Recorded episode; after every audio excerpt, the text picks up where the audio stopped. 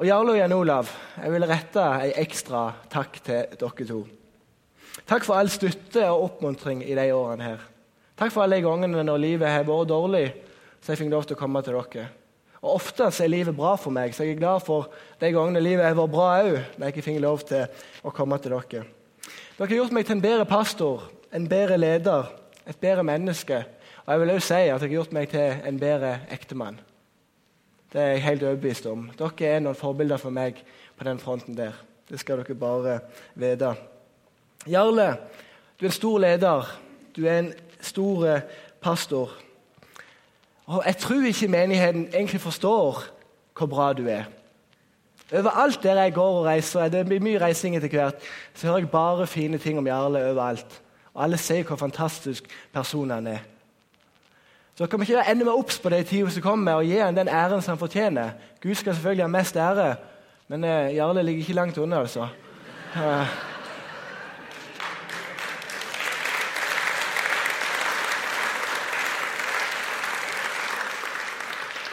Og Det som er så fint med Jarle, det er at han er åpen, han er ærlig og så er han tydelig. Og midt oppi alt dette så har han en enorm ydmykhet. Og det skal du bare ta til deg. Jan Olav, du har aldri slutta å imponere meg. Jeg trodde i starten at Jan Olav var, var kongen av sjelesorg. Og så var det ikke så mye mer. altså Misforstå meg rett. altså. Men så jeg bare merker at jo bedre jeg kjenner deg i bitt med Jan Olav, så er det nesten hver dag som han overrasker meg. Sånn som han lengter etter Jesus, sånn som, sånn som han lengter etter mennesker skal møte Jesus. Den dype visdommen han har, og så, måten han kan Bibelen på, er av en helt annen verden. Og Det imponerer meg hele veien. Olav. Og, ja, så ikke nok med det. Jan Olav har alltid sagt til meg at Jonny, forkynn alltid Jesus. Forkynn alltid Kristus. For det er det som alltid står igjen uansett. Og Det har jeg tatt med meg i de tre årene her. Jan Olav er ekstremt morsom. Dere skulle bare visst hvor morsom den mannen er. Og Han vet det egentlig sjøl, men han prøver noen ganger å skjule det. Og meg og Jan Olav og eh, Clemente var en trikløver fra jeg begynte. Og Nå er det rett og slett bare én igjen på den trikløveren. Og det tror jeg faktisk du òg syns er litt trist. For vi har hatt det utrolig morsomt sammen, vi har ledd så mye. Og jeg kommer til å savne spesielt det med deg, Jan Olav. Og det tror jeg du òg kommer til å gjøre motsatt. For det har vært helt fantastisk. Tusen takk til begge dere to. Jeg vil takke lederskapet i menigheten her. Jeg vil takke Øyvind Skjegstad og Frank Aslaksen, som har vært mine sjefer. De er ledere på frivillig basis, de får ingenting for det. Men de jobber time opp og time ut hver eneste uke for at denne menigheten skal ledes i en rett retning. Og Det står der respekt av. Jeg har fått så mye støtte at når det har storma, for det stormer rundt meg av og til òg, det gjør det, så har jeg visst at jeg har et lederskap som har stått bak meg. Som har stått og løfta meg opp og sagt at vi velsigner, vi støtter det som du gjør. Og det betyr mye. Det betyr mye at mine sjefer står bak meg. Så tusen takk for alt det dere har betydd. Takk, Øyvind.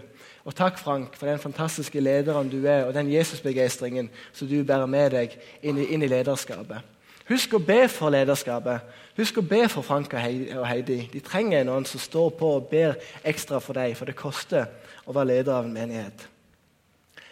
Jeg vil takke alle dere fantastiske, flotte skjønne, digge, kjekke, utadvendte, innadvendte, alt som fins, ungdommer.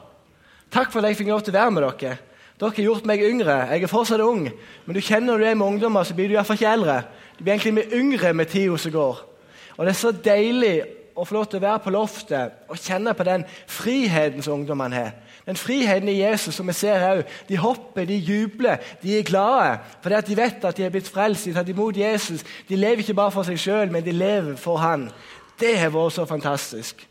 Nydelig er det rett og slett vært. Og jeg er uendelig glad i dere. Og Jeg kjente sist fredag, når jeg ikke var på loftet For Nå skal jeg bare være én fredag i, i måneden på loftet. Så syns jeg det var deilig, men samtidig så kjenner jeg at, eh, at jeg egentlig ville, ville vært der for å si det på den måten der. Og Det er en litt vond følelse, men samtidig litt deilig å få lov til å vite at nå skal jeg være hjemme med Kristine. Slappe av. Se på gullrekka på TV, nå som heter jeg jo aldri sett i hele mitt liv. Så plutselig så blir det en ny ting. Jeg vet ikke.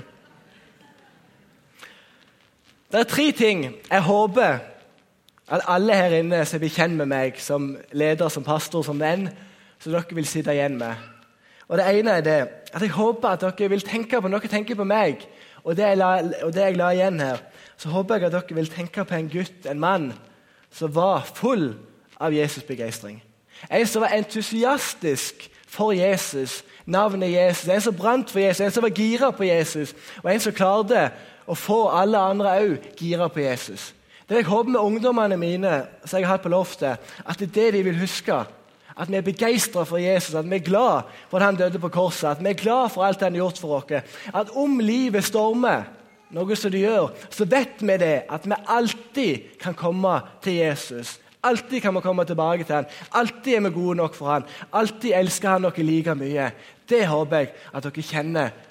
At jeg ikke fikk lov til å være med og bare lufte opp begeistringen for navnet Jesus. For det er det eneste navnet. Den eneste vi skal tilbe og opphøye.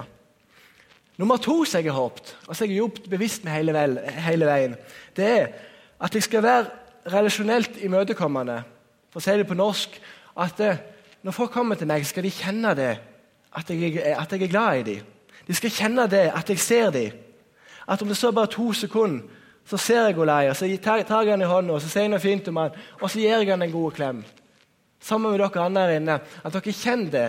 At når dere treffer meg, så er jeg på. Og så viser jeg at jeg bryr meg om dere, og så viser jeg at jeg er glad i dere. Og Det er en kultur som jeg føler jeg ser også at er på loftet nå. Så Frank også nevnte at vi er glad i hverandre. Vi klemmer hverandre. Alle er velkommen her. Ingen skal, skal ekskluderes, men alle skal inkluderes. Så håper jeg også i det samme sporet at jeg finner lov til å gi videre det med å oppmuntre hverandre, det med å skryte av hverandre, det med å se hverandre og si at du er bra, du har gaver, du har talenter. Vi heier på deg, du er flink til det, du er flink til det. Du har et fantastisk bra hjerte. At jeg fikk lov til å modulere og gi ut akkurat det. For Er det noe vi trenger, så er det oppmuntringer. Så er det folk ser oss, så er det folk heier på oss. Det trenger vi hver eneste gang. Så jeg har alltid vært veldig bevisst på at etter en fredagskveld så prøver jeg i hvert fall og dagen etter eller noen dager etter så skryte av de som har vært med og gjort noe. For det at jeg vet at det er det som løfter dere opp. Nummer tre så jeg har jobbet av de tre tingene som jeg nevner, bevisst med, det er at jeg har hatt lyst til å bygge opp et ungdomsarbeid som ikke går sånn og sånn. Opp og ned, opp og ned. For alle sier at det gjør det, men jeg er uenig, for det trenger ikke å gjøre det. På ingen måte. Har du bygd et godt arbeid, så kan det holde seg der og oppover. Så enkelt er det, iallfall i, i mitt hode. Og Det var mitt mål, at jeg skulle være med og bygge opp et arbeid som skal vokse etter jeg forsvinner. Et arbeid som blir like stort, helst større, etter at jeg forsvinner. Og når jeg var her på fredag, så var det vel en 160-170 ungdommer som var her på loftet. Og Da ser jeg det, at jeg tror at jeg fikk lov til å legge ned noen drømmer, legge ned noen visjoner, legge ned en retning og legge ned noen strukturer som gjør at det er et arbeid som kan blomstre videre. Og bevisst seg veldig ut. Altså, Det er tre personer jeg har brukt aller mest tid på på loftet. Det er, det er Mats, det er Marius, det er Rolf Henrik. Jeg har ikke brukt så mye timer på alle andre som jeg har gjort på dem, men jeg har brukt masse tid på dem. Og når jeg ser nå i dag at det, det er de tre som skal ta stafettpinnen videre, så kjenner jeg òg at jeg blir glad. Men samtidig så kjenner jeg at jeg blir ydmyk. Og Det er jo en utfordring til alle her inne at eh, finn en eller to personer, dere som er litt eldre, som dere investerer i, som dere heier fram. Så skal jeg love dere at dere kommer til å få se fruktene av det.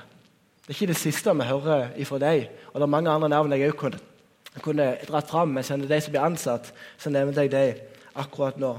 De tre tingene jeg har jobbet med. Og så er det opp til deg rett og slett å avgjøre om jeg er klar eller ikke. Det skal ikke jeg si om det er sånn eller sånn, men det kan du tenke litt på sjøl. Når jeg er kvarter igjen som jeg ønsker å bruke på dagens tema, dagens forkynnelse, så blir det litt kortere tale. Og Mitt tema er, som kommer opp på veggen nå, det er rett og slett oppreist til å leve et annerledes liv. De som har hørt meg forkynne mye, vet at det er noe jeg taler mye om, så er akkurat det. På den ene sida taler jeg om under og tegn i mirakler, at vi skal lengte etter mer av det. På den andre sida taler jeg mye om det med å bli likere Jesus, det med å bli mer, altså, bli mer helliggjort, det å prøve å leve litt rent annerledes. Derfor skal jeg, så jeg ikke tale så mye om det, så skal jeg dra inn på et annet spor i dag. Kanskje litt overraskende spor. Og Det at det jeg vil snakke om nå, det er rett og slett det at hva betyr det at vi er oppreist i Jesus, og at vi da skal leve et annerledes liv?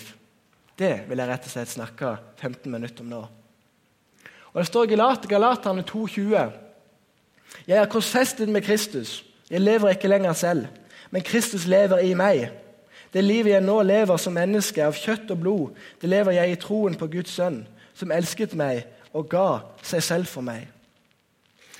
Når vi tar imot Jesus, så lever vi ikke lenger bare sjøl. Men dette verset sier det at Jesus han lever gjennom oss. Og og, hva betyr det egentlig at Jesus lever gjennom oss? For med han, og når vi tar imot Jesus, så har vi faktisk fått absolutt alt. Vi fikk lov til å, ta, del i et oppreist liv.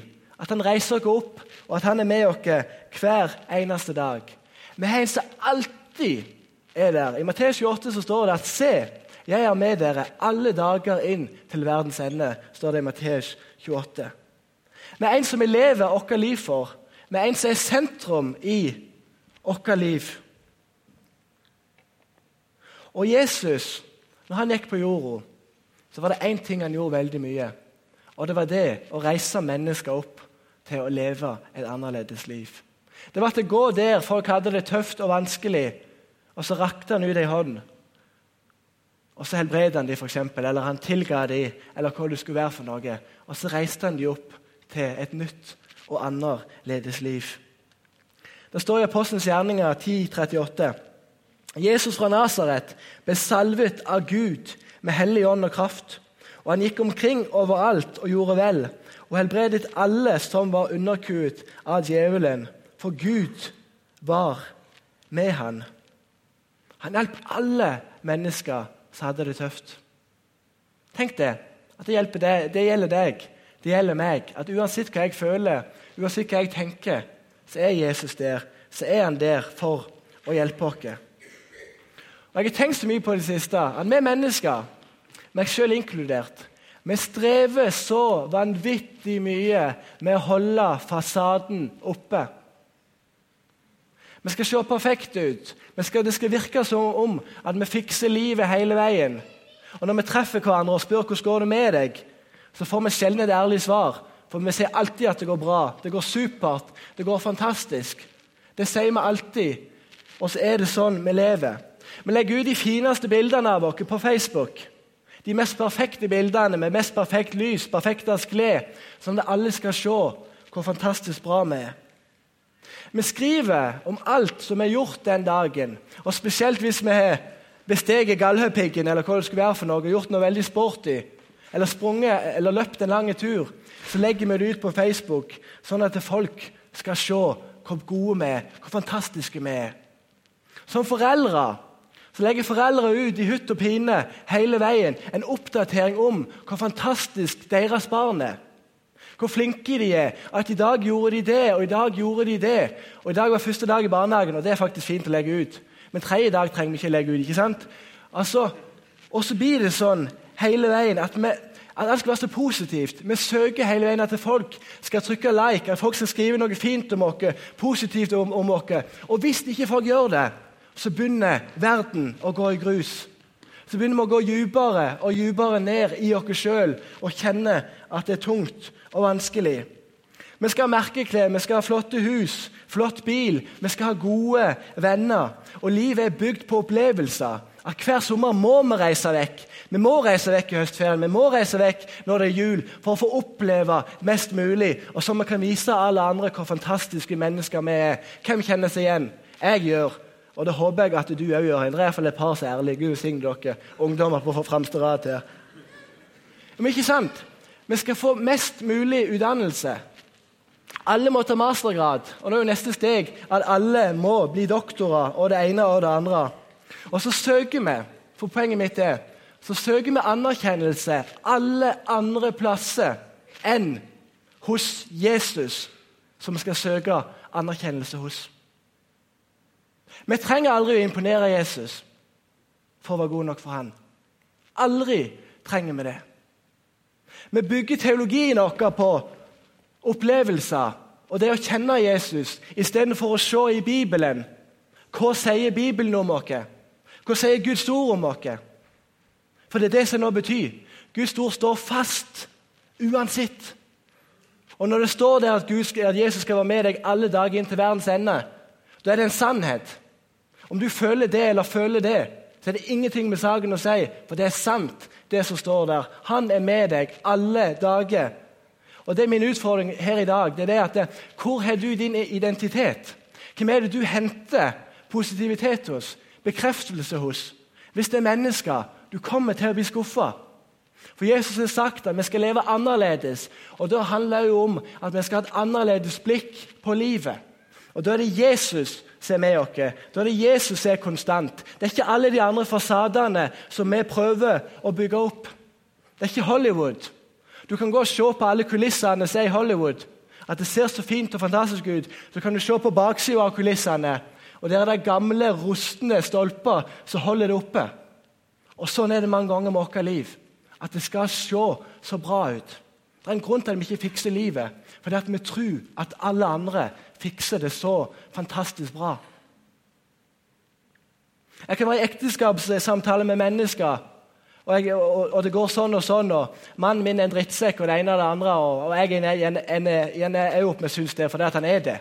Så kan jeg se Tre dager senere på Facebook så legger kona ut et bilde med at mannen er kommet hjem med roser og forteller hvor fantastisk denne mannen er. Og jeg tenker, I alle dager går det an? Seriøst. Det går ikke an. Det handler om å leve et ærlig liv der du er.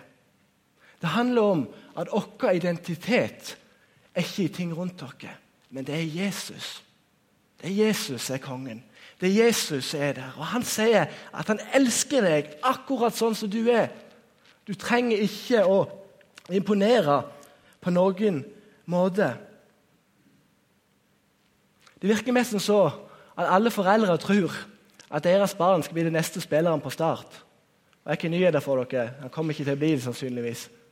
Men det er litt sånn som det er. Foreldre gjør alt det de kan, tidsmessig og økonomisk, for at vi skal lufte våre kjære barn. Jeg har ikke noe barn sjøl, men jeg, jeg, er onkel til mange, så jeg vet hvordan det er. For å lufte de høyest opp. Og Vi føler gjerne som foreldre at vi må jobbe hele veien for å tjene nok penger, sånn at våre barn kan få lov til å bli det de skal bli. Og Det eneste de ber om, det eneste ungdommene skriker etter, det er kjærlighet. Det er at noen ser dem, det er at noen gir dem en klem. Det er at foreldre er til stede. Det er det eneste de ber om. De trenger ikke den nyeste iPaden eller den nyeste iPhone, eller hva det skulle være, men de trenger noen som ser de. Noen som klemmer dem, noen som sier at du er god nok akkurat sånn som du er. Det er det som er livet. Det er det Jesus har kalt dere til å gjøre. Han har kalt dere til å være annerledes. Vi trenger ikke å henge dere på alle andre trender som skjer i verden. De trenger rett og slett foreldre som prioriterer menigheten. Foreldre som viser at det er viktig å leve livet for Jesus. Ikke bare en søndag av og til, men vi går i kirka hver søndag. Ikke bare på søndagene, men hver eneste dag så lever vi et liv som viser at vi tar Jesus på alvor, at vi bryr oss om han, at vi faktisk elsker han. Og Så kan en oppleve det at når foreldre plutselig merker at nå, burde, ja, når vi begynner å gå fast i kirka, så er det for seint. Ungene er blitt voksne, ungene er blitt ungdommer, ungene er gjerne flyttet ut og begynner å gjøre noe helt annet. Og så er det nok noe vi skulle ha gjort i forbindelsen av. Og så er spørsmålet hva er ditt liv utenom troa? Hva er det som viser at du lever et annerledes liv? Et enkelt spørsmål så du kan tenke litt på. Jeg skal ikke svare på det. Det står Matteus 11,28.: Kom til meg, alle dere som strever og bærer tunge byrder, og jeg vil gi dere hvile. Du er gode nok. Dere er gode nok. Jeg er god nok for Jesus. Og Det er ingenting som kan endre på akkurat det. Og Det beste dere rett og slett kan gi barna deres, det er det at de ser at dere elsker hverandre som foreldre. At ungene deres ser at dere elsker hverandre. Det er ingenting som er tryggere. Er ingenting, jeg husker da jeg var liten og, og jeg kunne se at mamma og pappa var glad i hverandre. Det var ingenting som kunne gjøre meg tryggere på at eh, mamma og pappa er glad i meg, enn at vi ser at mamma og pappa elsker hverandre. Vi har aldri jobbet så lite statistisk sett som vi gjør nå. Men vi har aldri noen gang før i historien vært så utbrente som vi er nå. Hva er grunnen? Selvfølgelig, presset er kjempestort. Men jeg tenker for meg som kristne så er det rett og slett det at vi glemmer å ha identiteten i Jesus, i Kristus. Han som er fjellet som aldri kommer til å rokkes. Han som alltid er der. Han som sier at du er god nok. Han som sier at du er god nok mor, eller du er god nok pappa, eller du er god nok sønn, eller god nok venn eller god nok datter. Det er han vi må ha vår identitet i. Vi har aldri hatt så mye penger før heller som vi har nå. Men vi har kanskje aldri før følt dere så ensomme som vi føler dere akkurat nå. Nå kan vi være med forskning her og fortelle litt hvordan ting er.